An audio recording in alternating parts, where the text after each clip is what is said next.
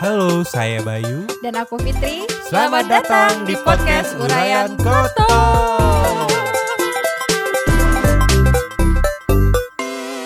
Tes tes. Oke, balik lagi di podcast Urayan Kata dan sekarang di sini udah ada eh, mantan ketua BEM. Apa apa masih apa masih BEM? Kagak usah disebutin itu. Oh iya, berat. Ada Akmal Insan. Iya. Eh, fotografi 17 isi. Mahasiswa foto lah. Oke, ini sekarang kita mau bahas apa nih Mal? Ini bahas apa nih kira-kira? Oke. Gak pikir pengajian loh. Berarti eh, ini aja. eh, kegiatan lo apa sih sekarang? Sekarang ya Lagi sibuk apa nih? Layaknya mahasiswa lah. Masih- Mahasiswa semester 6 gitu kan. Masih sibuk ini nggak apa di kampus kayak urusan-urusan Ya, kalau BEM di apa gitu? organisasi ya nggak terlalu sibuk sekarang. Ya maksudnya udah nggak sibuk lah. Udah udah turun jabatan juga sih. Turun jabatan. Terus ya udahlah itu Hmm. dulu gitu. udah dulu itu. Lo kan dari Bandung nih Mal. Mm. Kok bisa ke ini apa pilihannya ke isi gitu? Di di Bandung kan banyak juga ya seninya ya. Ah, ah, di Bandung iya sih seni rupa sih, cuman kalau foto kayaknya kuliahnya ya di sini. Cuman kalau ceritanya dulu tuh kan pas ke sini ya dulu tuh kan sempet kerja tuh, sempet kerja terus orang tua bilang eh oh, kuliah dulu lah gitu, mumpung orang tua masih bisa biayain katanya. Ya, ya. Ya udahlah kita nyari kuliah yang kagak ada matematikanya juga kan. Gue pikir ya biar santai gitu kan, ngapain juga kuliah ekonomi atau apa gitu kan. Ah, berarti Eh. lulus lulus kapan tuh? lulus sih eh ya 2016 2017 gitu jadi setahun terus Oh, pas iya, setelah iya. lulus tuh kita kerja dulu gitu sebelumnya kan magang terus kita kerja di Bandung Hmm, oke oke. Mm-mm. Berarti sekarang udah nggak ini lagi ya, udah nggak sibuk lagi ya. Ya sibuk sih sebenarnya Sibuk Ya, apa tuh? sibuk tugas lah paling Iya ya kayak sih, gitu paling kalau- motret ya ya sama sih kan kita seangkatan di kuliah ya bukan umurnya Ada bedanya nggak sih di uh, seni di Bandung itu sama di Jogja? Kayaknya kan band-band di Bandung malah lebih maju ya daripada Jogja ya. Iya mungkin bisa dikatakan kayak Kalau gitu sih. band-band ya. Kalau kalau band ya pertunjukan mungkin Hmm. Kayaknya Bandung mungkin ya nggak tahu juga sih kita ngelihatnya kalau aku sih nggak terlalu suka ya ya senang denger musik cuman nggak Hmm. terlalu mendalamin gitu kan. Cuman kalau untuk fotografi sih gua ngakuinnya di sini kayaknya lebih oke sih. Karena ruang-ruang itu ruang kita berkarya, ruang Hmm. kita untuk ya nge-share karya itu, Eksplorasi ya. eksplorasi itu mungkin lebih asik di sini dibanding di Bandung gitu. Berarti kalau untuk untuk musik oke lah ya kalau di Bandung ya, tapi Iya mungkin ya. Cuman ini kan subjektif nih dari dari Iya. gua sendiri kan nggak bisa. tapi kalau dari gua emang dulu eh, referensinya itu Bandung sih kalau musik. Bandung sih ya. Karena kan sekarang kayak yang indie-indie yang kayak musik elektronik ada Bottle Smoker, ada Mm-mm. eh, Star and Rabbit dari Bandung nggak sih? Nggak tahu tuh. kagak Angsa paham dan. Serigala ya, mungkin- Bandung ya Angsa dan Iya, iya, Serigala. mungkin nggak terlalu paham soal musik itu soalnya. Oke oke. Berarti di sana nggak ada kurang-kurang inilah ya kalau kampus foto gitu ya. Iya kampus foto malah di sana kan yang ada kampus foto cuman di boleh sebut merek kagak nih? Nggak apa-apa kali nggak ya. nggak apa-apa. Yang ada fotografinya di sana. Cuman cuman kalau menurut gue sih kayaknya lebih lebih apa ya fasilitas mungkin ya yang di sini di kita kan terus kita juga terkenal lebih tua kan di kampus Hmm. Oh iya do- Jogja. dosen-dosen kita. Iya, dosen-dosen kita kan lebih kompeten. Mungkin di sana juga kompeten, cuman Heeh. karena gue lihatnya di Google di sana lebih bagus, di Jogja lebih bagus, terus ya emang nggak, gue kayaknya kalau di Bandung nggak akan bener juga sih. Kehidupan di sana juga kayak ah udahlah gitu kan. Di sana ketemu itu orang itu orang itu lagi orang itu lagi gitu kan. Sekarang di sini kita sekelas aja kita hampir 33 provinsi mungkin ada. Ya mungkin ya Iya. Kayaknya dari dari ujung barat sampai timur ada ujung dari utara sampai Pundong paling selatan tuh kan ada kita kan Ya dari Sabang sampai Maroke. iya ada kita kan. Belum lagi eh, kepercayaannya kan. Jadi kita bisa lebih asik sih menurut gua di sini tahu ada banyak. Nah lo berarti dari situ lo ke isi eh, lewat apa nih? Jalur mana? jangan orang dalam kayaknya kagak sih kalau gua dulu kita kan masih Tes tes, man- ya? tes mandiri kita kan belum ada SBM kita kan di sini waktu kita masuk tuh Ah, tesnya reguler terus ada gelombang kedua gitu ya? Nah, ah, kalau ya pas gua tuh yang gelombang pertama kayaknya bareng lu deh mas maksudnya Iya iya reguler. reguler kan kita reguler gelombang satu ya. gelombang satu kan kita iya dulu pas tes Yang yang murah. Iya yang murah Kalau gelombang dua yang mahal. iya emang diakuin. Kampus kita murah tapi berkualitas yang pastinya gitu. Heeh. Terus lo apa aja sih waktu itu waktu pas masuk isi itu yang dipersiapin apa aja? cuman siap apa ya? Gua kagak ada kesiapan sih sebenarnya udah ya udah gua kuliah gitu kan. Ya nikmatin gitu. Iya maksudnya persiapan pas mau tes itu kan kita nggak ada loh nyiapin sumpah portofolio gitu nggak ada? oh iya kalau portfolio itu pasti kan itu udah bukan istilahnya udah nggak masuk persiapan itu udah pasti punya gitu kan kita Ada. Eh, jadi kalau ceritanya dulu gue hari Sabtu tuh masih Wah ini suara gempa gempa. Sebelah kayak ada usaha itu numbuk-numbuk. Iya, suara numbuk-numbuk ini. Eh, jadi hari Senin kan kita tes tuh. Jadi Iya. Sabtu tuh gue masih kerja. Gue ada wedding di Bandung. Hmm. Eh, Sab- eh, Sabtu malam kelar, Minggu gitu. Gue berangkat ke Jogja. Jadi nggak ada sama sekali loh pulpen aja gue gak bawa. Gila sih itu. Eh, Yang sampai penting sini- datang aja. Iya yang penting datang. Ya udah bawa kamera, gue bawa portfolio ya udah dicetak gitu kan. Eh, nyampe sini, nyampe sini gue Waalaikumsalam. ya nyampe nyampe sini tuh langsung lah gue ke sini kan tes tes Hmm. tulis biasa kan Iya. terus wawancara Tes tulis wawancara. Mm-mm. Masih ingat nggak dulu yang wawancara siapa? Pak Irwandi Pak Ir, Pak Ir juga. iya Pak Irwandi Aw- apa ada kata-kata berkesan yang dari beliau? nggak ada sih cuman ditanya doang ya ya lu bisa nggak mampu nggak kira-kira ya Hmm, buktinya sampai sekarang masih kuliah gue itu nggak ikut bimbingan-bimbingan gitu nggak? Kan ada kan ya? Ah, ada ada. Gitu kita kan ada tuh yang dari himpunan kan. Dari Iya, himpunan tuh bikin bimbingan juga. Cuman gua nggak tahu menau soal informasinya minim banget loh soal isi Jogja ini. Terus pertama kali ngecek juga gue pikir kampus ini tuh bareng UGM oh. Di kota lah. Iya. Terus gua ngecek kan ternyata kok di jalan Parangtritis pas ngecek ke sini maju dikit lagi nih ke pantai nih kita berarti referensinya pas mau masuk lewat mana tuh nyari nyari di, nyari di internet lah ya Iya, gue cari itu kampus fotografi ada kali ya. Ketemu tuh keluar. Salah satunya itu. Tadinya mau sama sama gue juga nyari di internet tadinya gue kan mau pengennya kalau nggak ke Jakarta ke Bali, cuman orang tua gue udah bilang, "Wah, lu kagak bener sono." Iya sih gue ngakuin. Daripada makin rusak ke sono kan. oke langsung aja kita ke bagian yang nanya-nanya nih Iya nih, tadi Bisa kan? Apa nih tuh yang mau kita bahas? Buka dulu ya. kan dulu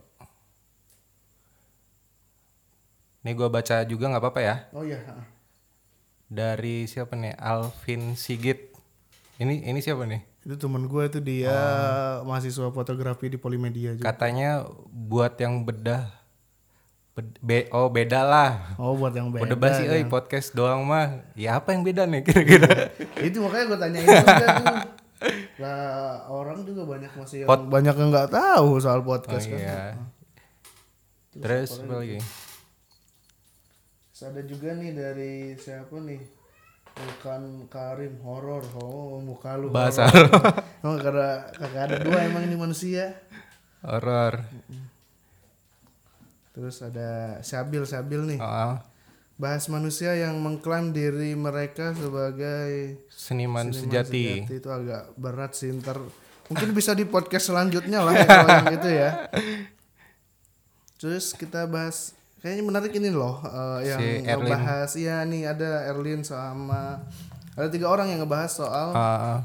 tentang pandangan masyarakat atau orang awam tentang seni vulgar mungkin ya Seni hal-hal yang berbau pornogra- pornografi gitu loh. Hmm. Terus seni foto yang kayak Tara Basro itu bukan pornografi itu kata Alfa Waisna katanya pengen dibahasin itu. Kita bahas dari ini aja dulu kali ya si iya boleh Erlin ini. itu asik gitu. Bahas tentang pandangan masyarakat atau orang awam tentang seni vulgar. Nah, gimana nih menurut kacamata lo, Mal? Kalau gua sendiri sih eh, sebagai mahasiswa fotografi ya, ini konteksnya mahasiswa fotografi ya kita sama-sama belajar gitu. Yang gua pelajarin balik lagi sih, balik lagi ke tujuan kita ngebuat itu untuk apa gitu kan. Makna seni kan luas. Yang penting tujuannya ya. Iya tujuannya sih, untuk apa dulu uh-uh, tuh? Makna seni itu luas sih. Yang gua tahu gitu kalau menurut Ahdiat Karta Miharja ya seorang penulis juga dia kan.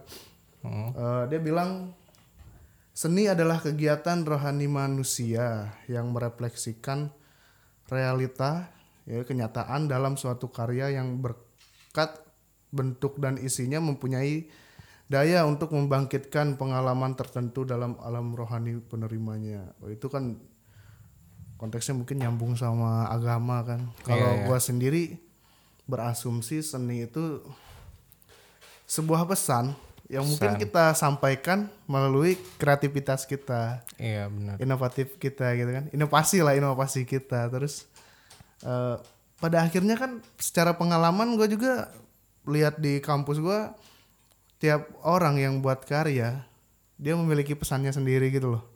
Iya, iya. Ada Pasti kan ya kayak maksudnya kalau kalau lu bikin foto gitu kan maksudnya mungkin- apa nih? Maksudnya gitu? apa nih kira-kira apa yang mau lu sampein gitu kan? Iya. Jadi kan kalau berarti gua berasumsi lagi tuh ya seni fotografi itu ya eh istilahnya pesan yang disampaikan melalui media fotografi gitu loh.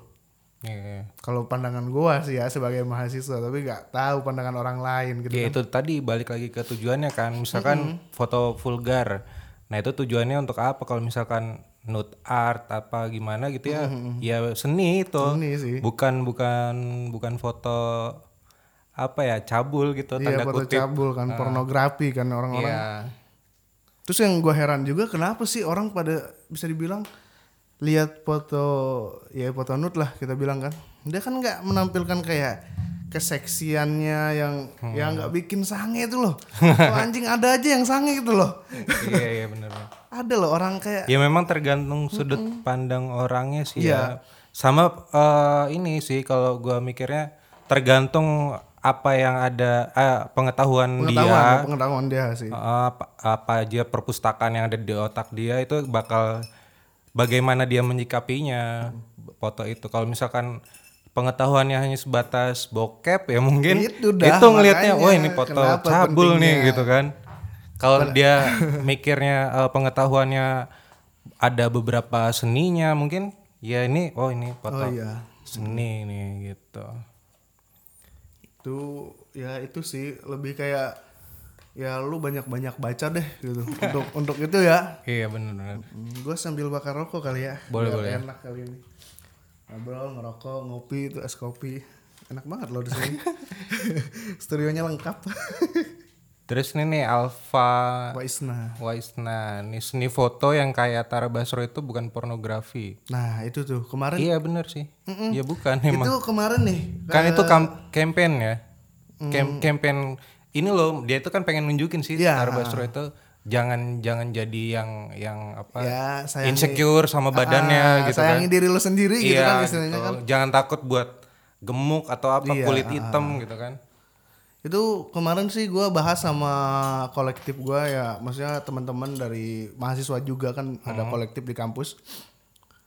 Eh, namanya terasering kan itu bahas-bahas soal ya kita diskusi foto eh, kita langsung ngebahas isu itu kan soal foto Tara Basro itu yang dianggap eh, Pornografi. kan Ah. pornografi terus di bahasan itu ya ini sebenarnya gua ngulangin apa yang kita bahas sih kemarin di sana gitu kan Eh, di sana tuh sebenarnya balik lagi gitu Eh, kan masalah dia tuh kemarin kena undang-undang ITE sama pornografi tuh Iya. Cuman nggak tahu sih pasal berapa pasal berapanya sih. Cuman kita kemarin Dikomenin KPAI apa ya? Nah, KPAI mungkin ya karena terus si Roy Suryo juga mantan menteri Hmm. ngebahas itu juga. Terus apa ya? Sebenarnya kalau pandangan gue ya, pandangan gue nih, itu masuk pornografi atau enggak? Mungkin kalau gue memandang sendiri ya balik lagi, gue berasumsi seni itu adalah pesan. Iya. Dia menyampaikan pesannya. Iya pesan. Nah, jadi kenapa dia kok bisa kena undang-undang pornografi? Jadi dia itu sebenarnya gini loh. Kalau kita baca foto nih, kita belajar nih kemarin kan semiotika tuh baca foto kayak gitulah baca biar simbol lah. Simbol Cuman nggak nggak banyak ini subje- dari subje- subjektif lah gitu. Gua doang ya dari pandangan gua ya. Eh mungkin dia kena itu karena dia tuh influencer, Iya. orang berpengaruh dia. Artis lah ya. ya artis yang nggak ya mungkin terkenalnya dia kan nggak aneh-aneh gitu kan Oh, kenapa Aukarin dari dulu nggak kena iya. Anya Geraldine nggak kena gitu Iya. kan eh. karena konteksnya beda Lagian kok yang diurusin itu gitu kan? Iya, kalau kita mikir banyak masalah yang lebih dari itu gitu. ya Indonesia ini Suka bahasa nggak penting ya. itu dah pokoknya norak loh kalau gua anggapnya norak dan masalah dan dan problemnya adalah itu petinggi petingginya gitu Hmm. yang ada di Indonesia mungkin di sana juga ya sih problemnya di sana sih. Cuman kalau dari pandangan mahasiswa seni ya mahasiswa seni fotografi sih gua beranggapan itu bukan bukan pornografi. Karena dia bisa menyampaikan pesan eh jelas gitu kan. Dari kita kalau kita baca fotonya nih kita lihat. Gua buka dulu kali ya fotonya nih. Nih. Dari dia ekspresi dia tuh Hmm. ekspresi dia dia kan kelihatan banget tuh senyum happy ya happy kan Hmm. terus kalau dari penampilan dia terbuka kan terlihat Iya, tidak menggunakan ini yang dia sampaikan yang gua baca di awal kan oh dia mungkin bangga dengan badannya gitu kan istilahnya iya banget kan Bang. Ba- yang banyak wanita yang beranggap ah gua nggak iya malu nggak percaya diri gitu Padahal ah gua gendutan ya bayangin apalagi gua gitu anjing. Bilang segitu gendut apalagi gua anjing gitu kan. Ya udah gitu. Nikmatin aja gitu kalau hidup gitu kan istilahnya.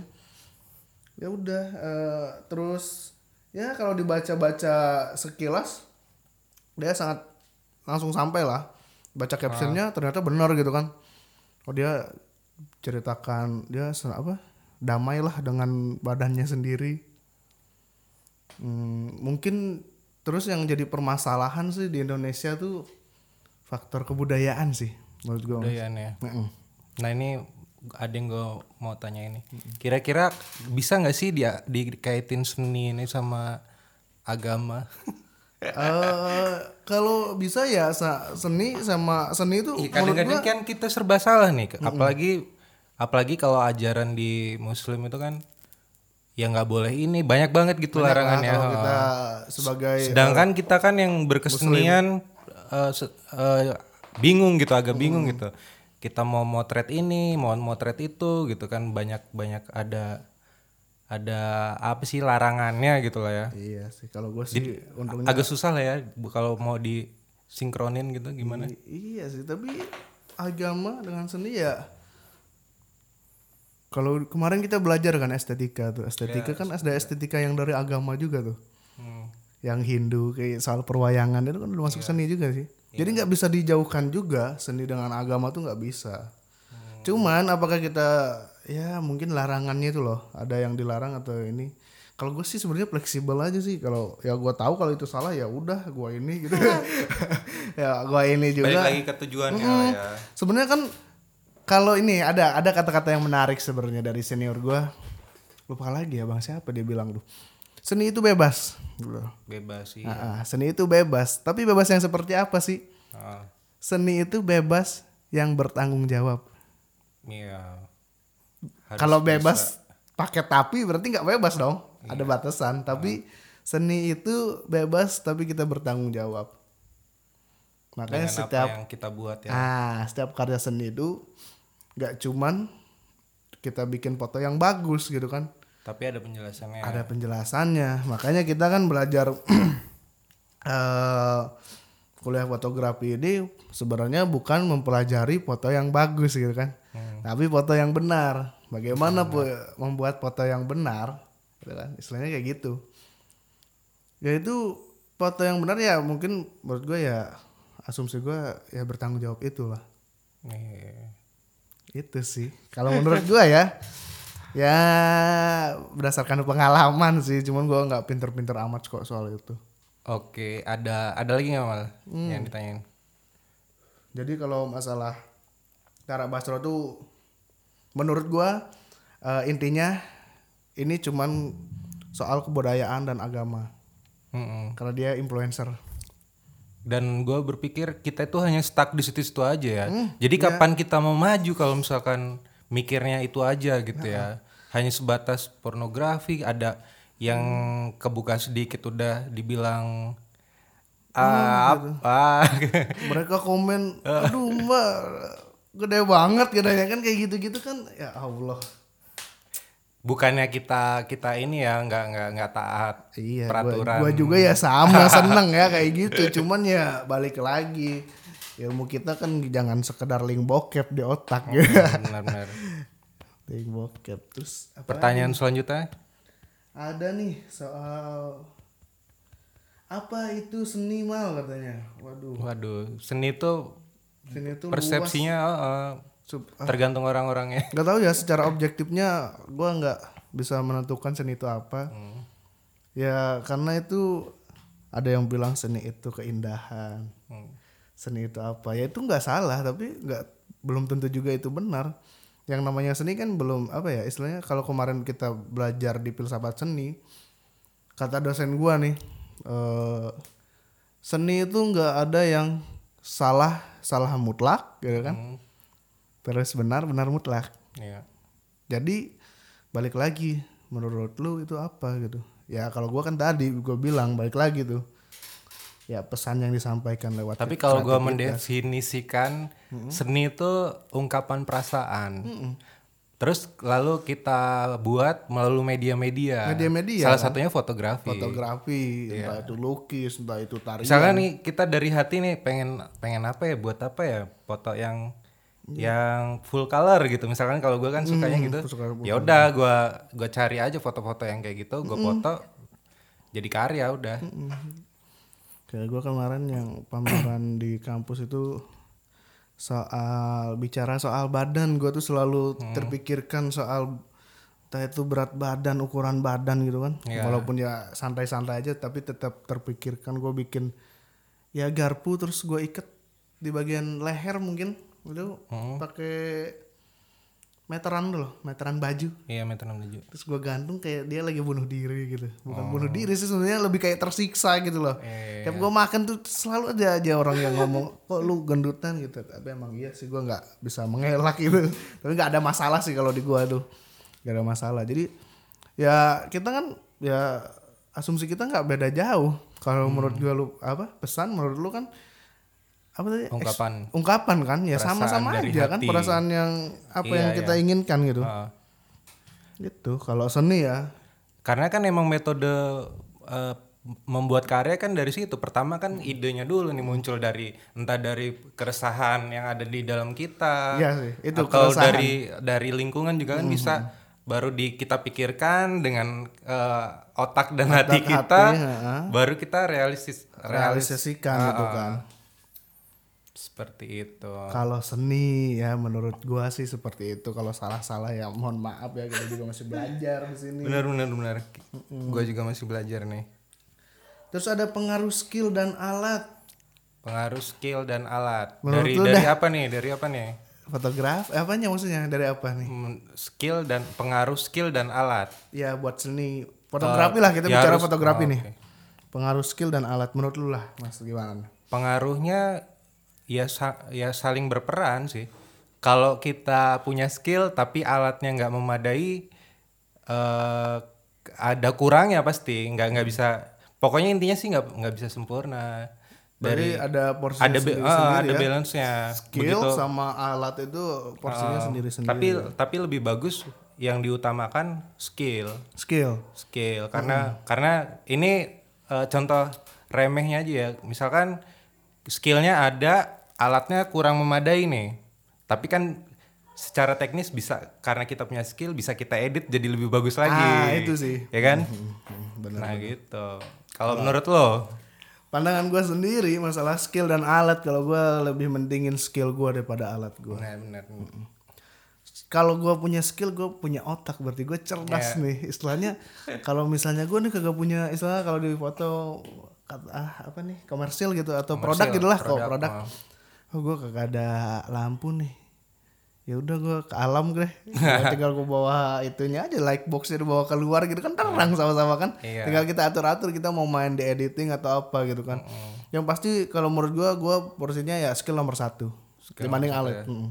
Tapi kalau kita misalnya bisa ya tadi kalau misalnya bisa didukung dengan alat yang bagus, insya Allah lah mungkin karya kita lebih bagus. tapi lo merasa resah nggak sih karena kan makin tahun makin maju ya teknologi Iya. ha, ha. Terus banyak yang orang karena ya apalagi sekarang harga kamera kan terjangkau sih ya. Iya, Dulu dulu bagi kita gua pribadi tahun 2000 2010-an ha- kamera harga 6 juta itu mahal bener anjir. gue sampai kredit beli kamera 300 ribu per bulan. Dan sekarang iya kamera 6 juta itu udah bisa dapat second Fuji XT Iya mungkin itu. itu ya.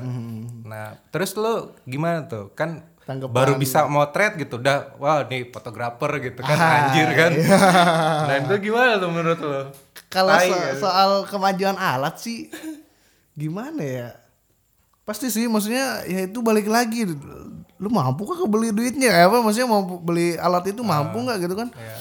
Tapi sebisa mungkin memaksimalkan alat yang ada. Jadi nggak ada alasan sebenarnya eh, banyak sih yang bilang mas gue pengen belajar foto tapi nggak ada alatnya gitu kan. Hmm. Lu punya temen bego gitu maksudnya apa kayak gitu lu punya kalau bisa minjem ya minjem ya kalau mau lu bener-bener mau ya maksudnya Nah, ya. ah lu nyewa gitu kan. Sebenarnya nggak ada halangan untuk Nah, berarti itu berkesenian itu kan sebaliknya tuh. Nah, tap, kita balikin nih. Kalau itu kan yang pengen yang pengen motret istilahnya hobi motret tapi alat nggak ada.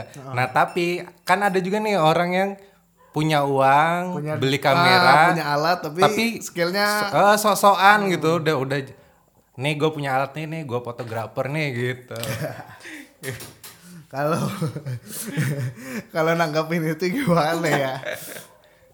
Mungkin lu yang kayak gitu. Ya belajar lah ya. Alat lu bagus sayang gitu kalau nggak kepake.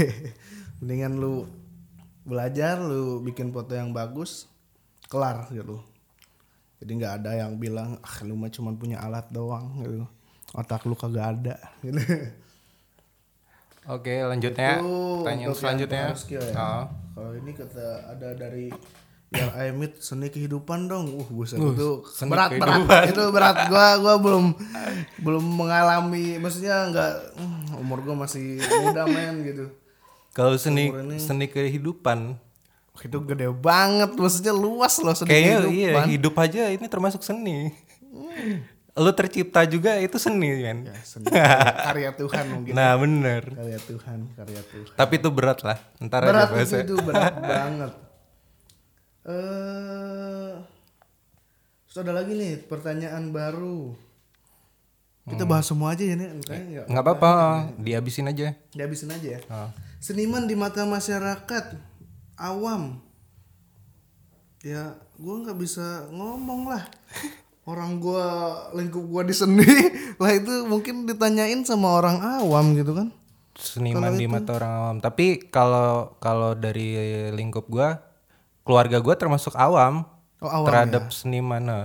ya. Ya sama sih sebenarnya gue juga. Nah iya jadi kalau kalau sepenglihatan gue di keluarga gue ya cuek mereka nggak tahu kayaknya malah lah ya. malah kesannya malah ngeremehin sih Oh ngeremehin. Ngeremehin Contohnya kayak gimana tuh? Contohnya kayak gimana? Ya tuh? kayak misalkan ya seniman mau jadi apa gitu kan. Ya jadi Batman. Sebagai Superman gua membela kebenaran. Gue gue juga masih inget tuh ada, ini nyokapnya Nicolin, Nicolin fotografer.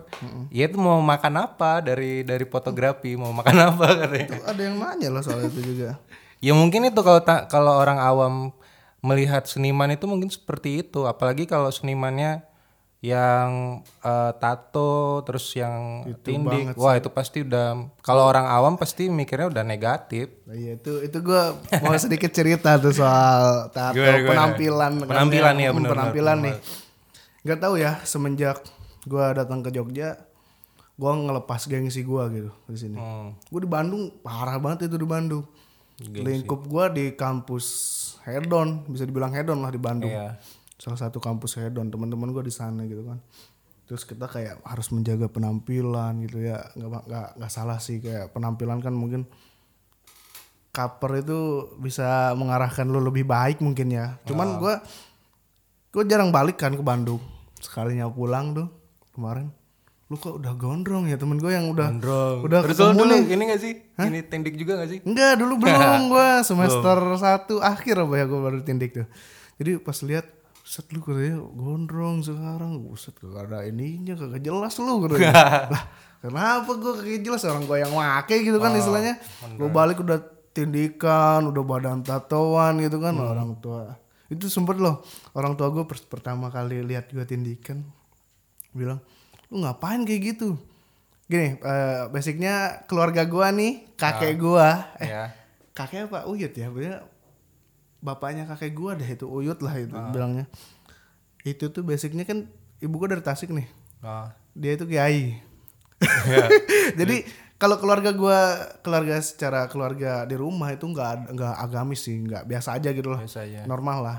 Cuman kalau kita pulang ke Tasik itu Hmm. agamis lah di sana, eh, keluarga gua di sana agamis. Cuman dia bilang lu ngapain pakai tindik kayak gitu. Terus pas pertama kali ditato gua kan ketahuannya sama malah sama adek gua kan yang paling kecil tuh. Hmm. paling kecil ketahuan tuh katanya si abang tatoan katanya. Terus gue ditanyain tuh ngapain lu katanya tatoan? Terus gue jawab. Ya gue pengen bertanggung jawab sosokan banget gitu kan gue cuman pengen bertanggung jawab gitu kan. Apa sih anjing gue kejawab? Ngawur banget itu. Cuman ya nggak masalah sih. Sebenarnya eh penampilan itu menurut gue kalau mau mau lu rambut gondrong lu mau lu tindikan badan bertato etika lu nomor satu tetap Iya. ya kan maksudnya lu pakai jas Hmm. duduk di atas sana Iya. lu korupsi anjing gitu kan kita lebih ini ya, lebih lebih istilahnya lebih terhormat daripada di orang yang korupsi sana. korupsi ya buat buat orang-orang yang korupsi cuman ya gua maksudnya ya gua ke orang tua ya sopan-sopan aja setahu gua. Maksudnya nggak ada bermasalah. Gua juga nggak jadi preman di sini gitu kan. Mungkin gua lebih kayak penampilan ya. Kalau masyarakat awam mungkin kaget lihat penampilan. Apalagi kampus kita. Iya, iya. mahasiswanya bertato full badan. Hmm. cuman apakah dia bermasalah di luar? Enggak.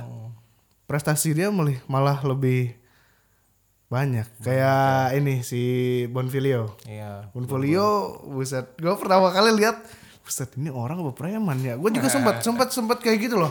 Iya, iya. karena kan kita ke bawah gimana lingkungan sih sebenarnya kan. Iya. lingkungan kita menganggap itu kalau Gue juga gitu dari Lampung yang biasa-biasa ke sini ngeliat ini, wah ya sok dikit lah. stigma orang terhadap penampilan seperti itu kan. Ya itulah bangsatnya zaman dulu sih gara-gara si itu tuh orang bertato itu preman. Salah katanya. Orang bertato itu. Cuman kan kayak Bonfilio prestasi bagus dia. Iya. banyak lagi yang seniman musisi lu bayangin. Iya musisi. musisi bertato kayak gitu. Nggak ada yang, Yang penting, yang penting kalau kalau prinsip gue sih, eh ya ini gue gitu. Gua gua yang penting nggak ganggu lo, nggak ganggu orang, dan orang juga jangan ganggu kita. iya benar benar. Ah. dan gua selalu apa ya prinsip gua ya maksudnya gua hidup harus bermanfaat buat orang lain gitu. Iya iya. persetan dengan penampilan gua gua harus bermanfaat dengan orang lain gitu kan. Minimal kita bisa memberikan entah itu ilmu atau apa gitu kan. Ya itulah.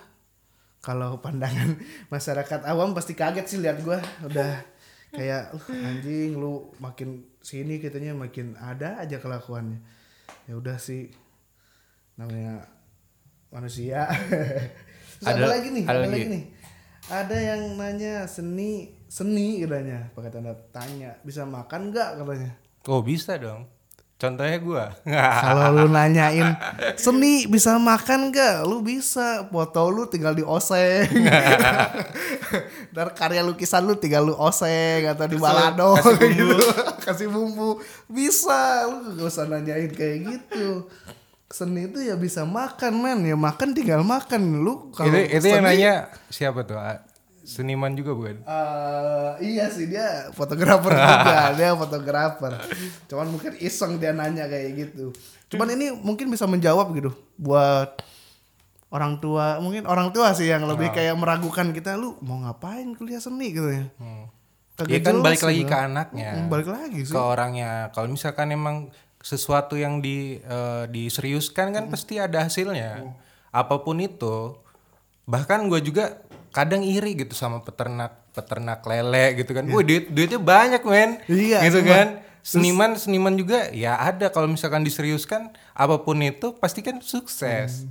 Uangnya banyak tuh. Terus gue emang juga waktu itu sempat sekarang tahu nggak cita-cita gue apa? Sebenarnya Oh, ya cita-cita bro, gue cerita ya maksudnya. cita-cita gue itu sebenarnya bukan untuk gue kuliah foto ini gue cuma sampingan men. Maksudnya Iya. gue pengennya sekarang kok kayaknya lebih asik jadi petani ya kan gue Petani, mikirin kan? ya oh ini gue kuliah foto mau ngapain nih terus gue bilang orang tua gue kan eh gue panggil ibu gue kan bunda bun kayaknya kalau aku mau lulus gue pengen beli tanah aja deh kayaknya Iya. iya. Kita nyari tanah di mana? Gue pengen bercocok tanam aja kata gue lalu ngapain? Udah jauh-jauh ke Jogja kuliah lu fotografi. Ya kagak apa-apa itu mah hobi doang gue kata gue udah gitu terus gue dimarahin katanya kagak jelas lu jadi petani katanya. Eh kalau gue petani duitnya lebih gede loh kata gue nih. Jadi sebenarnya apa pun ya benar kata tadi Mas Bayu bilang apa pun, yang kita tekuni ya kita seriuskan itu bisa menjadi uang. Apalagi fotografi loh. Iya benar. Seni lukis pun jadi uang. Kita ngemural dibayar loh. Hmm. kita menari juga nampil masuk TV jelas. Gue juga sempat ber- ah, ah, berpikir kayak lo sih, bukan bukan sempat. Setelah lulus, terus setelah pensiun, kayaknya gue jadi petani aja, apa nggak jadi peternak gitu. asik loh peta- Jadi ca- uang ah, uang dari fotografi ini gue pakai kayak buat beli eh, tanaman, buat beli, Tanaman ya, iya, asik tuh asik banget iya gitu. Masih Apalagi gue suka binatang kan, suka hewan, ya itu jadinya gue kadang-kadang dari motret beli akuarium nih buat Iya, ikan gua apa apa kan lihat story kan banyak banyak tuh. ini. Ini ikan apa peternak ikan hias itu oh, uangnya banyak itu main sampai ekspor ekspor ya Iya. gila itu. Kata gue di Ustaz Mas Bayu kontrakan mau jadi kebun binatang apa? Kata gue Tapi serius-serius itu Sumpah gue kepikiran "Ah, Asik banget kayaknya jadi petani gitu gue Gue kadang bakal suntuk juga mungkin dunia foto Gue jadi petani aja dah gue Itu sih kalau lu nanya seni bisa makan gak ya Lu Ya. makan beli Indomie juga udah makan sih sebenarnya. Lanjut pertanyaan berikutnya. Seni sebagai media terapi medis. Itu gue pernah dengar sih cuman gue nggak bisa maksudnya bukan nggak bisa sih belum tahu seni kayak sebagai terapi medis iya ada loh mungkin. ada loh ada ada tapi beneran serius. Kayak gini contohnya gini. Eh, ada foto misalnya kita lihat bikin foto landscape nih. Hmm. terus kita pajang nih. Foto landscape kan nggak pernah bikin kecil tuh biasanya. Maksudnya dicetaknya ya. Iya. ditempel kayak di stasiun gitu kan. Iya, di dibikin bandara. kan? Ha, Oh. di bandara itu kan kita ngelihat foto itu Ya, jadi jadi adem gitu kan. Maksudnya kita yang stres gitu jadi adem. Mungkin kalau gue sih bicaranya kayak gitu kalau soal medis ya tapi nggak tahu kalau yang jadi terapi gitu ya Iya, mungkin terapi re- ya. relaksasi. Dia benar sen- semua seni itu sifatnya karena kan seni itu keindahan kan. Iya kayak misalkan gua ma- suka aquascape nih main aquascape kan seni di dalam air gitu ya. Iya. Dan itu Menatanya bisa jadi gitu kan. relaksasi kalau kita habis bosen motret Nah, gua- itu dah. kan ngeliat itu jadi relax gitu kan ya. Itu mungkin tapi kalau lu punya kanker ya diobatin sih menurut gue berobat ya? Berobat sih mendingan gue gue kagak nyaranin lu cari foto landscape kalau lu kanker gitu kan. Itu kalau medis sih menurut gua seni itu bisa masuk ke dunia apa aja men Iya. gitu kan. Mau di medis mau di agama mau sampai yang paling kecil apa mungkin seni kita jalan kaki mungkin mau jigjag gitu seni itu ada seninya itu eh terus ada Selanjutnya? Benarnya kenapa sih orang seni kayak lu bentukannya ya tadi itu Sebenarnya gua Mas nanya dia. lebih kayak ah ya udah sih maksudnya. Sebenarnya nggak ada hubungannya sama seni ini tuh nggak ada. Cuman gua karena lingkup gua nggak terlalu orangnya nggak ada yang gengsi loh di sini. Keren loh semuanya. Bener sih. eh, kampus gua di kampus paling keren yang pernah ada orang lain di kampus orang lain. Gua apa misalnya temennya pakai mobil. Uh ini semua pasti bener gitu kan. anjir, bener kan ya? Gue juga gitu anjir. Iya kan? Gue kalau di Lampung gitu tai. Tapi di kan? sini bodo amat gue. Bodo amat kan? Kita ada yang bawa selancar loh kampus gua bawa selancar. Gila kata gua nih. Bawa selancar jalan kaki. Kita kita mau menampilkan kekayaan orang tua kita di sini. Kita malu gitu kan. Walau kalau apa entah itu kekayaan orang tua atau kekayaan kita sendiri kan secara pribadi kayaknya di kampus juga eh kampus kita ada nggak sih yang bawa ada mungkin satu dua orang yang bawa mobil cuman itu juga nggak pernah diparkir di fakultas loh Iya. pasti di depan mulu Itulah ya kerennya Jogja ya. Iya. Kampus gua sih, bukan Jogjanya. Karena kalau di UGM pasti mereka bawa mobil, nggak tahu sih. Tai, iya sih. ya. Kalau lebih kayak spesifik gitu. Iya mungkin ya Terus karena ada juga orang yang bilang orang Indonesia dari mana pun itu bisa jadi orang Jogja. benar. Tapi kalau orang Jogja mau ke jadi orang Lampung belum tentu bisa. Iya. Istilahnya jadi orang mana Jakarta kan Iya belum sih. tentu kan. Tapi semua orang dari Jakarta pas ke datang ke Jogja pasti bisa jadi orang Jogja. Membaur istilahnya kayak. Iya sih, Jogja tuh sumpah. Gue di Bandung itu tinggal gue tuh rumah gue ya di daerah kota Bandung Timur. Yang gua keluar rumah itu udah macet mas. Oh, macet. Itu parah anjing gua. Ih kalau udah keluar rumah nih pagi jam 7 pagi nih zaman dulu sekolah itu ya Allah macetnya minta ampun. Keluar rumah loh. Karena kita kan jalan utama di depan rumah tuh. Iya. Jalan utama. Terus gue pindah ke Jogja. Oh untungnya dapat kampusnya. Istilahnya kan ini kan eh, agak nggak nggak di kota loh kita kan masih Di luar ring road. Ah, di luar ring road tuh kan Jogja kalau di luar ring road ya masuknya udah kabupaten kan. Udah ya Bukan kota. bukan kota lah, Karena- bukan kota tapi Iya, tapi itu. Heeh, sumpah tapi enak banget. Gua ngalamin kayak gua nyaman banget di sini. Makanya gue jarang balik. Gua nggak ketemu macet gitu kan. Gua nggak stres gitu kan. Ketemu orang-orang yang asik gitu kan. Iya. Di sini banyak ya. teman, heeh, terus eh apa ya? Budaya sini sih lebih kayak orang ramah tamah itu wah, Ramah-ramah. keren. Jogja dan Sewon dan isi Jogja. itu sih. Kalau tadi sampai mana tuh? Selanjutnya Hmm, terus Mas menilai karya fotografi, waduh. Ini gimana ya? Kalau menilai karya Menilai fotografi, Gua angkat tangan deh, gua Iya, belum bisa berani, menilai. Belum berani ya, belum berani sih. Cuman yang pasti kalau gua baca foto ya, ya gua nyesuaiin sama yang pernah gua pelajarin sih. Iya.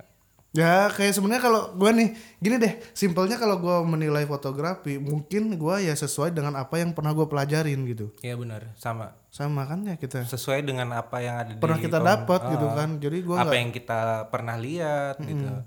Mungkin kalau dari sudut eh, pandang gua karena gua suka komersial ya mungkin hanya ngelihat itu berdasarkan eh, pengetahuan gua Iya. dari sudut komersial misalkan kayak lightingnya gimana, terus clean apa enggak nih, mungkin kayak gitu sih ya, kalau gua. ya berarti menilai karya fotografi secara subjektif gua sih bet- ya gua sesuai pengalaman aja deh. Iya, sesuai. kalau gua sama pengetahuan gua yang masih dikit gitu itu kalau dari siapa ya Stioko terus ada lagi nih dari Dava nih adik kelas gua juga nih di sini ya. Dari Dava. cara menjelaskan ke ortu bahwa berkesenian kita masih tetap punya masa depan. Itu yang tadi kita bahas sih. Cara cara caranya sih ya. mungkin lebih kayak dia Kalau menanyakan gimana? Oh, cara menjelaskan. Kebetulan di keluarga gua kan tuh nggak ribet. Oh. lu mau kuliah apa ya silahkan yang penting ya lu serius gitu. Kalau di gua gitu jadi yang penting lu serius. Terus fotografi nggak nggak terlalu maksudnya ya, emak gua juga ya dia tahu fotografer terkenal siapa gitu kan. Ya sekarang udah zamannya modern men. Iya. udah dipoto semua orang. Mau gue aja ada fotonya kok. Pas nikahan. Gitu ya kalau cara menjelaskan mungkin lebih kayak lu presentasi yang jelas-jelas aja gitu gak usah yang aneh-aneh lu pengen kuliah foto eh misalnya kuliah seni. Ter- tergantung dia nih kalau dia jawab eh, nanyanya maksudnya menjelaskan gimana nih kalau gue pribadi karena orang tua kan pengennya ya orang tua zaman dulu kan pengennya pasti kerja PNS apa apa gitu kan. Seniman pasti. Nah caranya ya lu tunjukin. Misalkan lu hobi motret lu tunjukin aja motret itu bisa dapat uang menghasilkan apa eh, gitu kan menghasilkan ya. apa dan lu itu tabung uangnya terus lu belikan sesuatu ya udah tunjukin aja ke orang tua lu. Ini lo hasilnya kalau ini. Iya mungkin orang tua bakal berubah pikiran. Iya sih. Itu sih kalau dari gue tapi itu Kan panjang gua- gua banget. pribadi. maksudnya prosesnya ya prosesnya panjang. Iya, cuman kalau yang secara simple Hmm. secara simpelnya gimana ya? Maksud gua ya lu kasih contoh aja deh. Maksudnya seniman-seniman yang terkenal gitu kayaknya ya mereka itu ya ya em- emang beratnya di situ orang tua kan kadang kalau belum ngelihat hasil nggak ini kan? Iya soalnya ya mungkin Nggak zaman percaya. dulu percaya lu kuliah ekonomi lu harus kerja di kantor terus Iya. lu harus digaji per bulan berapa terus dapatnya segitu lu udah sukses berarti kayak gitu. Itu doang sih kalau ngejelasin ke orang tua. Agak repot sih soalnya orang tua gua fan fan aja so gua masuk sini. Oke next. Next ada lagi nggak sih ini di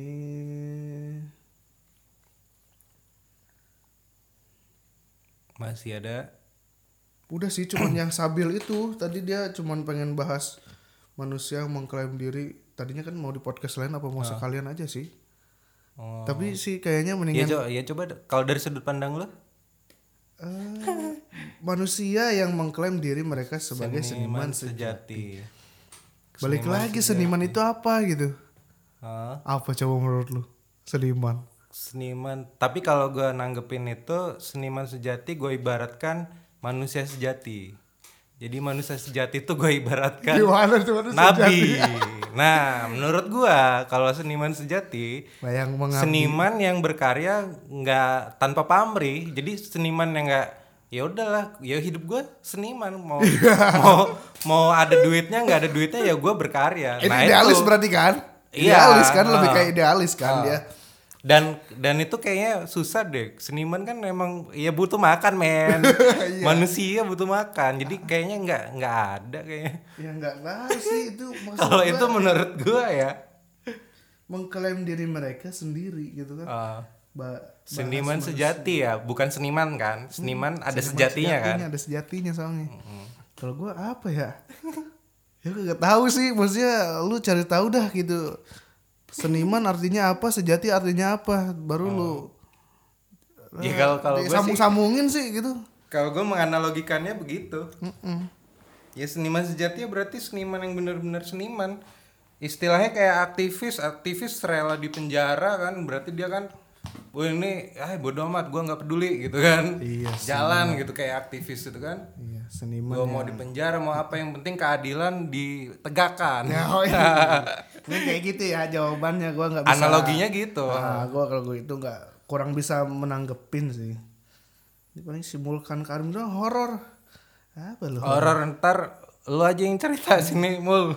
Ya mungkin kalau horor sih lebih kayak mau nggak sih kita cerita kes Bisa bisa kan. Ntar mungkin ada segmen ah, resah Segmen keresahan kita sebagai mahasiswa fotografi itu itu yang iya. mungkin yang mungkin yang dimaksud dia horor Nah ini Oke, yang ada titipan nih ya, titipan pertanyaan Oh, dari tuh? Fitri. Mm-mm. Eh, keluh kesah kan. Kita ini kadang-kadang dianggap remeh nih. Dianggap remehnya dalam arti kuliah foto. Alah, kuliah kuliah foto paling cuma motret jepret-jepret gitu kan. Iya. Tapi kenyataannya kita enggak kan. Kuliah wih banyak yang gugur men kan. iya Dari sekian banyak mentalnya iya iya iya banyak yang cabut, ada yang Iya sih. keluar, ada yang ngerjain fotografi dasar nggak ini kelar kan ya benar-benar sampai keluar. Itu- gimana tuh? kalau ke saya berarti ya tanggapannya sebenarnya kalau gua keluh kesahnya itu gimana ya? Dulu tuh sempat ditanyain apa sih bedanya lu sama fotografer otodidak? Ya. itu yang berat banget kita nanya. Kita semester 1 gue ditanyain kayak gitu terus lah iya ya apa bedanya? Foto dia bagus foto gue juga sama gitu kan gak beda jauh. iya. ngapain juga gue harus kuliah foto? Terus setelah beberapa semester gue belajar ternyata beda. Beda kan? Beda. Iya. Contohnya kayak kita ngebahas foto Tara Basro. Hmm, gitu foto yang tadi kan? Iya. Eh kita punya dasar untuk bisa membaca fotonya dia.